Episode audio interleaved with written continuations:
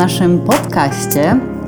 Jak się pewnie można domyślić po tytule, e, będziemy odpowiadać przede wszystkim na różne e, pytania związane z psami, a także ogólnie prowadzić psie rozmówki i zastanawiać się nad różnymi rzeczami z psami związanymi. Planujemy też e, obalać różne mity, takie jak chociażby powinność przechodzenia pierwszemu przez drzwi, szkodliwość spania z psem w łóżku i tym podobne. Tak, i na przykład obalanie takich mitów, jak ostatnio znowu widziałam gdzieś w internecie, że nie można głaskać psa, który się boi, bo możemy wzmocnić jego lęk. Co jest oczywiście nieprawdą. Lęk nie jest zachowaniem i nie można go nagrodzić w taki sam sposób jak zachowanie. Jest emocją, więc jeżeli głaszczemy naszego psa, to przeciwdziałamy stresowi, lękowi, i naprawdę możemy to robić i wręcz dobrze by było to e, robić. No, żeby pies miał w nas wsparcie po prostu. Tak, żeby pies nas miał wsparcie, ale też, przede, no, ale też właśnie przeciwdziałanie e, tym emocjom. No, nie chcę tutaj już rzucać takimi terminami, ale pozytywne bodźce w sytuacjach stresowych jest to jednym z, jedyna z podstawowych e, jedna z podstawowych metod e, pracy w terapii behawioralnej. Pytasz mnie how, how, how ruszyć na łów musisz być raw, bo liczyć się bał. Pytasz mnie how, Daisy Mordor ruszyć na łuk. Musisz być raw, bo liczyć się bał. E, dzisiaj będziemy rozmawiać o mitach, które pojawiają się, no niestety, wszędzie. I w internecie, i w książkach, i, i w, w telewizji. Dokładnie. W parku po prostu zagaicie ktoś na ulicy, powie ci jakieś, jakiś fakt według niego e, o twoim psie, co jest zawsze mhm. najbardziej e, dla mnie zaskakujące, że ludzie mają energię na to.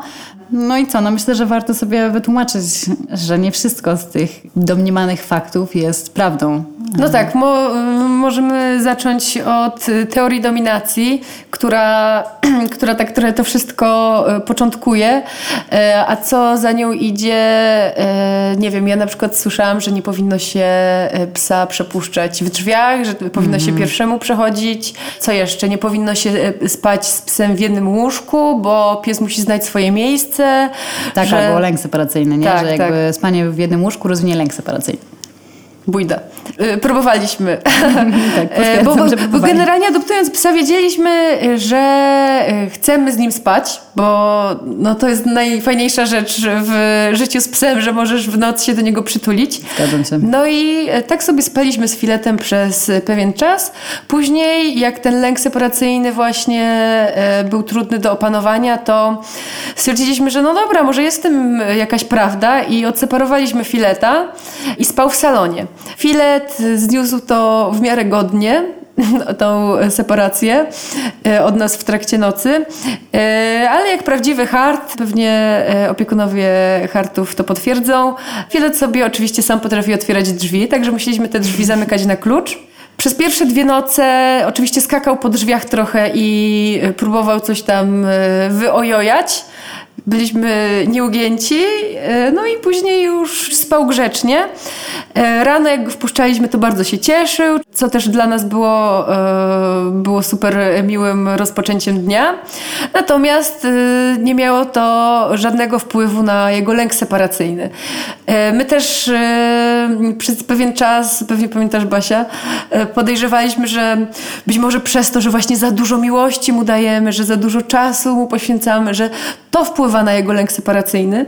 I owszem, być może na początku popełniliśmy taki błąd, że nie zostawialiśmy go tuż po adopcji samemu, ale yy, nasze zachowanie wobec niego później, na późniejszym etapie życia myślę, że yy, no nie miało na to wpływ. Zgadzam się z tym. Mm, no, na pewno nie będziemy w stanie tutaj e, omówić całego problemu lęku separacyjnego, ale mogę już teraz powiedzieć, że Otaczanie psa miłością nie powoduje lęku separacyjnego i nie powinniśmy się skupić na spłycaniu więzi z naszym psem, tylko powinniśmy się skupić na tym, żeby budować jego komfort i pewność siebie, kiedy jest bez nas. I to wcale nie musi iść w parze, tak? E, to, że Filet się cieszył, kiedy otwieraliście drzwi, no to dlatego, że po prostu chciałby z wami spać i ostatecznie No. mógł znów się upewniać, że zostawanie samemu jest słabe, bo... I był też stęskniony po Tak, nocy. był dokładnie stęskniony po nocy. E, więc jasne, można oczywiście prze, przedobrzyć z mm, opieką nad psem w takim sensie, że jeżeli spędzamy z nim aktywnie 100% czasu, no to po pierwsze pies nie ma kiedy się wyciszyć, więc będzie stale zestresowany, nawet jeżeli te bodźce są pozytywne. Pies i człowiek też no, potrzebują odpoczynku, tak? I jeżeli jesteśmy w stałym pobudzeniu, to nasz stres, bo dla organizmu e, jest to obojętne, czy to jest pobudzenie, czy to jest głód, czy to jest faktycznie jakaś trudna emocja w stylu lęk. Stres to stres. E, Więc jeżeli jesteśmy stale pobudzeni, no to mm, ten stres nam nigdy nie, nie spadnie co jest po prostu szkodliwe. Dlatego też to pewnie jest temat na jakiś odcinek. mm, Uczulam wszystkich, żeby nie przeginali z ilością bodźców, jakie fundują swoim psom, bo teraz jest bardzo modne e, animowanie czasu psom praktycznie w 100%. Naprawdę sprawdźcie sobie to. Jednego dnia zróbcie z psem więcej, drugiego mniej, a trzeciego prawie nic i zobaczcie w jakiej wersji pies się czuje najlepiej, kiedy najwięcej śpi, kiedy najmniej nas zaczepia. To jest super sposób na to, żeby sprawdzić... em, ile psiak po, potrzebuje tych bodźców. Ale dobra, jak zwykle odbiegam od tematu. Dobra, kończąc temat lęku separacyjnego, spanie z psem w łóżku nie powoduje lęku separacyjnego. Powoduje go niepokój związany z byciem samemu bądź byciem w separacji. I jasne, jeżeli sprawimy, że nasz pies będzie nas nie lubił, to jest spora szansa na to, że ten lęk separacyjny się spłyci. No ale że to jest naprawdę droga, którą chcemy wybierać, najlepiej po prostu wzmocnić pewność siebie psa i skojarzyć pozytywnie zostawanie samemu. No mam nadzieję, że sami potraficie odpowiadać, e, odpowiedzieć na to pytanie. Nie musisz dzwonić po psy, bo są wokół. Czuję spokój, kiedy pieski piją rosół Nie chcę sosu, piję soczek z mokrych nosków. Nie wiesz, który jest twój, no to losuj. Ciepłe pieski, miękkie brzuszki, lecą łezki. Wącham łóżka, a w powietrzu mała nóżka. Miska love potion, biegniesz slow motion. Myślę o tobie niczym Frank Ocean. Pytasz mnie how To może przejdziemy do kolejnego mitu e, właśnie, a propos pewności siebie. E, może pogadamy sobie o tym, że e, w internecie szczególnie często pojawia się informacja, e, że kiedy pies się boi, to nie można go głaskać. Tak, właśnie ostatnio na jednej z grup facebookowych nawet e, przeczytałam w jakimś komentarzu, że nie powinno się nagradzać lęku. E, Natomiast wydaje mi się to jakieś nieludzkie, czy tam nie psie, prawda, że w momencie, kiedy nasz pies się boi, czy znajduje się w jakiejś sytuacji stresowej, że nie dajemy mu tego wsparcia. Wydaje mi się to jakąś podstawową, podstawowym naszym zachowaniem i też e, fajnie, jeśli ten pies szuka e, w nas oparcia w stresującej sytuacji. Dokładnie. I nawet dobrze powiedziałaś, że jest to nieludzkie. No właśnie, gdybyśmy, gdyby to się to dotyczyło człowieka, to byśmy nigdy tego nie powiedzieli, tak? Nikt nam nie będzie mówił, że jak nasz przyjaciel się stresuje, to my powinniśmy się odwrócić od niego, e, odwrócić do niego tyłkiem, bo możemy niechcący nagrodzić jego lęk. Dobra, szybko sobie to zbijemy. Lęk to emocja, nie zachowanie. Nie da się nagrodzić emocji w taki sam sposób jak zachowania. Jasne, możemy wzmacniać i osłabiać emocje, ale to jest zupełnie inny rodzaj uczenia się. Nie chcę tutaj rzucać zbyt wieloma terminami, ale powiemy sobie w skrócie, że za zachowania odpowiada przede wszystkim warunkowanie instrumentalne i tam faktycznie jest taka zasada, że jeżeli jakieś zachowanie przyniesie dla zwierzaka czy człowieka coś dobrego, to będzie się pojawiało to zachowanie częściej. Natomiast jeżeli chodzi o warunkowanie klasyczne, to jest to zasada bodziec, reakcja, e, więc nie mamy tutaj tego samego, tak? Jeżeli dzieje się psu coś miłego, to jego emocje będą się zmieniać na lepsze. Oczywiście nie jest to takie proste, że w momencie, kiedy pies się boi, będziemy mu dawać smaczki jego lęk minie, ponieważ też e, no, to przyjemne wydarzenie musi być adekwatne do poziomu lęku, jaki on teraz odczuwa. Ale niemniej jednak na pewno mu w ten sposób możemy pomóc, mamy na to szansę.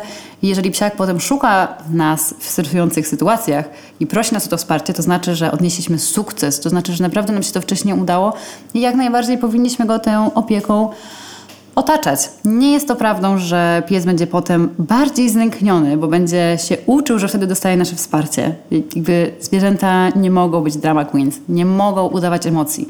Mogą robić jakieś zachowania, w stylu mogą przyjść do nas, ponieważ pamiętają, że ostatni raz to sprawiło, że poczuły się lepiej, ale na pewno nie wzmocni to ich lęku, ani nie wzmocni takich zachowań e, lękowych. Więc jak najbardziej powinniśmy wspierać naszego psa, jak tylko potrafimy w stresujących sytuacjach. No i oczywiście uważając, uważając na to, żeby nie pokazać, że my też się boimy, bo faktycznie wtedy pies może sobie pomyśleć, no dobra, to jak mój opiekun się boi, to jest się faktycznie czego bać. To jest jeszcze kolejny rodzaj uczenia się. Niemniej jednak no nie trzeba się jakoś super starać. No jakby, nawet możemy sobie trochę poojojać, byleby nie robić tego w taki neurotyczny sposób. Ja robię to regularnie. Jak Ezra się czegoś przestraszy, to mówię ojej, co się stało? I ona wtedy przychodzi, tulimy się chwilę, ona się otrzypuje i idziemy dalej. I po sprawie. Naprawdę jestem pewna, że gdybym nic wtedy nie zrobiła, to ten jej stresik trwałby o wiele, wiele dłużej. No, u nas, u nas jest tak samo, jak czasem na przykład siedzimy, już od niedawna możemy, e, w kawiarni i na przykład przychodzi jakiś pies e, i filet, e, widzę, że jest przestraszony, to często szuka właśnie wsparcia w nas, które oczywiście mu dajemy. On czasami też szczeka na tego psa i tam próbuje pokazać, że wcale się nie boi ale, e, ale też bardzo sobie cenię to, że e, Filet widzi w nas takie oparcie i że w trudnych sytuacjach wie, że może do nas przyjść i że, e, no i że pomożemy mu w tym stresującym momencie. No i super. Ja jakby, jak klienci mówią mi, że ich psy, proszą ich o wsparcie albo że w ogóle wspierają swoje psy, to zawsze gratuluję i mówię, że są super opiekunami, bo wcale to nie jest aż tak częste. No, także kolejny mit obalony. Yy, nie da się wzmocnić lęku. Przez głaskanie. Przez głaskanie, tak. Jedzeniowe. To są pieski, to pieski, to są proste zasady. Nie ma dramy, dramy, nie ma klęski i zdrady. To są pieski, są pieski, z nimi konie. Marzenia bez wahania, wahania nic chwili. Tchnienia to jest miłość, to miłość, kiedy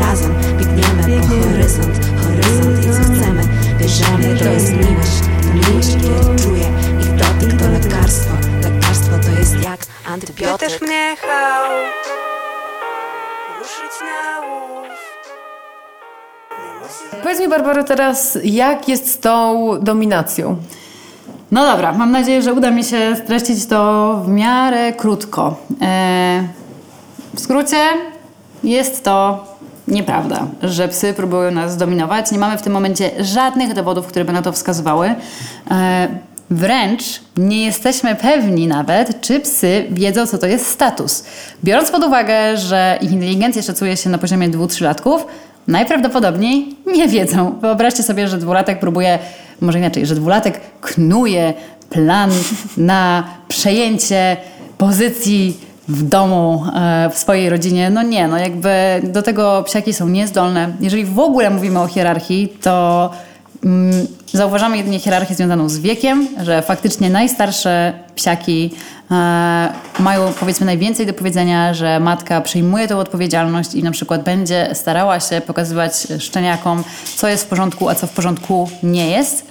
Natomiast no, o innej hierarchii raczej nie ma mowy. E, w etologii, w behawioryzmie mówimy w ogóle, że dominacja oznacza po prostu pierwszeństwo do zasobów, bo możemy tak naprawdę spłycić to i po prostu stwierdzić, że jeżeli jakiś pies był w stanie wywalczyć sobie, powiedzmy, chciał jakiś zasób, tak? Chciał, powiedzmy, pluszowego misia, którego miał inny pies i pomyślał sobie, dobra, jest, bardzo chcę ten zasób i nie wytrzymuje i po prostu próbuje go zabrać i mu się to udaje, no to zachowanie zostaje nagrodzone i on się uczy, że faktycznie jest to sposób. A jeżeli na przykład dostanie wciry od drugiego psa, no to został ukarany i uczy się wtedy, że okej, okay, dobra, to zachowanie jednak nie działa, więc może po prostu muszę odpuścić tego misia. Czy to od razu ma związek z hierarchią? No niekoniecznie, tak? To jest nasze nazewnictwo. To my w ten sposób sobie to ujmujemy. E, ja jako behawiorystka właśnie widzę to w ten sposób, że e, są to zachowania, które zostały wzmocnione albo e, ukarane. A jak myślisz, skąd bierze się to, że ta teoria dominacji jest tak wszechobecna? Bo ja pamiętam, że nawet przed adopcją psa słyszałam jakieś e, takie, jak to się mówi, dobre rady, Mhm. żeby broń Boże nie spać z nim w łóżku, żeby, e, Drzwi. żeby nie przechodził przede mną drz- e, przez drzwi, żeby znał swoje miejsce w domu, prawda? Żeby wiedział, że ja jestem ważniejsza tak jakby Mhm. od niego, prawda? Że on jest tylko psem posłusznym, ma leżeć i po prostu tak, nie wyglądać. robić. Tak, a ja jestem tutaj panią i królową. Bo nawet w parkach czasami ludzie e, mówią jakieś takie... O, to jest osobnik alfa, Tak, alfa. tak, tak, tak, O, że- bo on próbuje zdominować. Tak, że to nazewnictwo właśnie e, związane e, z teorią dominacji i w ogóle samo określenie teoria dominacji e, gdzieś bardzo e, często pojawia się w e, psim świecie i tak może przybliżysz naszym słuchaczom i słuchaczkom skąd to się wzięło. Słuchaj, bardzo chętnie, e, bo jest to naprawdę ciekawa historia. Mianowicie, Ja, ja już ją słyszałam, ale Tak. chętnie e, usłyszę jeszcze raz. E, Niedokładnie pamiętam, czy w latach 50. czy w 60., chyba w latach 50., zostało przeprowadzone badanie, które polegało na tym, że zamknięto niespokrewnione ze sobą osobniki wilków na ograniczonej przestrzeni i tutaj stawka, jest to bardzo nienaturalna sytuacja. Wilki nie dość, że żyją na ogromnych terytoriach, to jeszcze żyją w spokrewnionych grupach. E, No i jak się łatwo domyślić, te wilki były w ogromnym stresie. No i stres nie jest najlepszy, jeżeli chodzi o pokojowe zachowania. E, Faktycznie wilki rozwiązywały wszystko, e, może nie wszystko, ale większość rzeczy siłowo. Kto to gada? Kromka ma swoją wstawkę. Tak, to jest e, potomek wilka. Dokładnie, ona właśnie pokazuje, jak, jak siłowo się rozwiązywało e, problemy. No, w każdym razie mm, faktycznie były w dużym stresie, więc te zachowania agresywne były o wiele częstsze i jeżeli jakiś wilk był w stanie wywalczyć sobie pierwszeństwo do zasobów, no to inne wilki uczyły się, że okej, że tutaj można dostać wciry i wtedy tego osobnika właśnie nazwano wilkiem alfa. E, I opisano właśnie e, tą strukturę wilczą jako strukturę hierarchiczną polegającą na ustanawianiu swojej pozycji. Już wiemy, że można to spłycić dużo bardziej. Możemy po prostu nazwać to zachowaniami, które wyrobiły się na zasadzie wzmocnień i kar. E, Niemniej jednak to badanie zostało zawarte w artykule, który był opublikowany w tysiącu egzemplarzach w niezbyt szanowanym behawiorystycznym magazynie. Ale jakimś cudem zdominowało cały świat. No i oczywiście jest dużo pytań, dlaczego to się stało, a jednym z takich e, wyjaśnień, które mi się najbardziej podoba, e, jest e, zauważenie, że w latach 50. i w latach 60. Szkoleniem psów, właściwie wtedy jeszcze tresurą, zajmowali się przede wszystkim policjanci i żołnierze, tak? I tam również funkcjonuje ten system hierarchiczny. Do tego myślę, że dla żołnierzy i no, przede wszystkim dla osób, które po prostu funkcjonują w tej strukturze hierarchicznej, no, bardzo ważne jest też to, żeby nie być na końcu łańcucha, więc fajnie jest mieć jeszcze kogoś pod sobą. I w tym wypadku był to pies. E, W ogóle ja wierzę, że teoria dominacji jest wciąż tak popularna, ponieważ właśnie daje przyzwolenie na to, żeby wylewać frustrację na swojego psa oraz e, pozwala nam pełni go kontrolować, tak? Jakby to wręcz jest to zasada teorii dominacji, że ty musisz kontrolować wszystko, co, co pies ma wokół, bo to ty jesteś pani władca, tak? Czy pani władczyni. I myślę, że szczególnie w dzisiejszych czasach ludzie mają problemy z kontrolą, właściwie z potrzebą kontroli. No i właśnie ta teoria dominacji pozwala im chociaż y, poczuć namiastkę jej we własnym domu w relacji człowiek-pies. No, ja mam takie zdanie, że no, szkoda mieć niewolnika, e, kiedy możemy mieć przyjaciela, więc e, nawet z tego powodu warto nie traktować psa w ten sposób i traktować go po prostu jak członka rodziny. A propos tego, co mówisz, to yy, skojarzyła mi się nasza rozmowa sprzed nagrania, yy, która dotyczyła yy, prawdopodobnie tematu naszego następnego odcinka, czyli tego, czy pies szkolony jest psem szczęśliwym. Bo właśnie, czy chcemy sobie hodować takie małe psy roboty, które są na każde nasze mrugnięcie czy kiwnięcie ręką? No, czy chcemy też zostawić tym psom trochę ich pieskości? I wolności. E, I wolności, właśnie. Której naprawdę i tak jest niewiele, kiedy no, trzymamy psy w mieszkaniach i e, wychodzimy z nimi tylko kilka razy dziennie. I ja nie mówię, że taki pies jest nieszczęśliwy, wręcz przeciwnie. Są psy, które w ogóle nie lubią wychodzić z mieszkania i naprawdę ciężko No, Fiat je- wieczorami na No przykład właśnie. y, nie jest fanem wieczornych spacerków. No właśnie, przecież można leżeć na kanapie. E, Moje psiaki, jak e, pewnie niektórzy wiedzą, no, potrafią bardzo, bardzo dużo, ale nie znaczy to, że musiałam używać do tego agresyjnych metod, wręcz przeciwnie. E, Dziewczyny uwielbiają e, ćwiczyć ze mną. No właśnie chyba o to chodzi, prawda? Tak, dokładnie. No ja- Żeby to był fan i dla psa, i dla człowieka, yy, i żeby po prostu ta komunikacja psioludzka się poprawiała. Tak, no ja uważam, że faktycznie to bardzo poprawia zrozumienie obu stron, kiedy możemy dużo łatwiej się skomunikować, tak? Że możemy na przykład zakomunikować nasze ludzkie potrzeby. E, Niemniej jednak mam takie zdanie, że to my jesteśmy odpowiedzialni za odpowiednie przekazanie naszych oczekiwań i naszej wiedzy psiakom, jako że to my chcemy, żeby psy, no najprościej mówiąc, zachowywały się jak pajace, tak? No, to nie jest naturalne, że pies ma... Nie jest naturalne dla psa maszerowanie przy nodze opiekuna, nie jest naturalne dla psa powstrzymywanie się od zjadania rzeczy, które znajduje. To jest bardzo naturalne zachowanie, że znajduje jedzenie, zjadam je, tak? Niezbędne do przetrwania w normalnych warunkach. No tak, psy nie rodzą się z y, jakąś cudowną umiejętnością y, rozpoznawania y, słów w danym języku i nie wiedzą, że zostaw to znaczy zostaw, prawda? To musi być dopiero y, ukształtowane, żeby, żeby ko- konkretne słowo oznaczało dla psa konkretną czynność. Nieważne jakiej komendy użyjemy, jeśli nie była ona wcześniej wprowadzona, to pies prawdopodobnie jej nie rozpozna albo zrobi to y, przypadkowo. No właśnie, ja uważam, że to po naszej stronie leży odpowiednie przekazanie tej wiedzy. Eee, nie powinniśmy tego robić w sposób agresyjny, bo tak jak mówiłam, to jest nasze widzimy się, żeby pies zachowywał się w taki, a nie inny sposób. Eee, nikt nam psa brać nie kazał, więc jeżeli mamy już wobec niego jakieś oczekiwania, to też chyba powinniśmy brać odpowiedzialność za jakość lekcji, tak? No nie będziemy karać ucznia, który ma słabego nauczyciela, że ma złe oceny. No bo oczywiście robi się to stanowczo za często, ale chyba wszyscy się zgodzimy, że no, tak być nie powinno, tak? No, jeżeli nauczyciel od hiszpańskiego uczy francuskiego, to potem trudno się dziwić, że uczeń nie zna hiszpańskiego. Eee, Także dlatego też jestem takim zwolennikiem e, metod e, o jak najmniejszej awersji. E, faktycznie nauka mówi nam też, że są one najbardziej efektywne, ponieważ każda awersja zawsze ma skutki uboczne, a zazwyczaj słaba awersja, która będzie miała najsłabsze skutki uboczne, jest mało skuteczna. Także no tutaj mamy takie błędne koło. E, A że i tak wszystko da się zrobić za pomocą e, metod opartych na nagrodach, to po co w ogóle sięgać po inne metody? I myślę, że tutaj będziemy sobie też kończyć, bo już nam się robi za dłuży czas.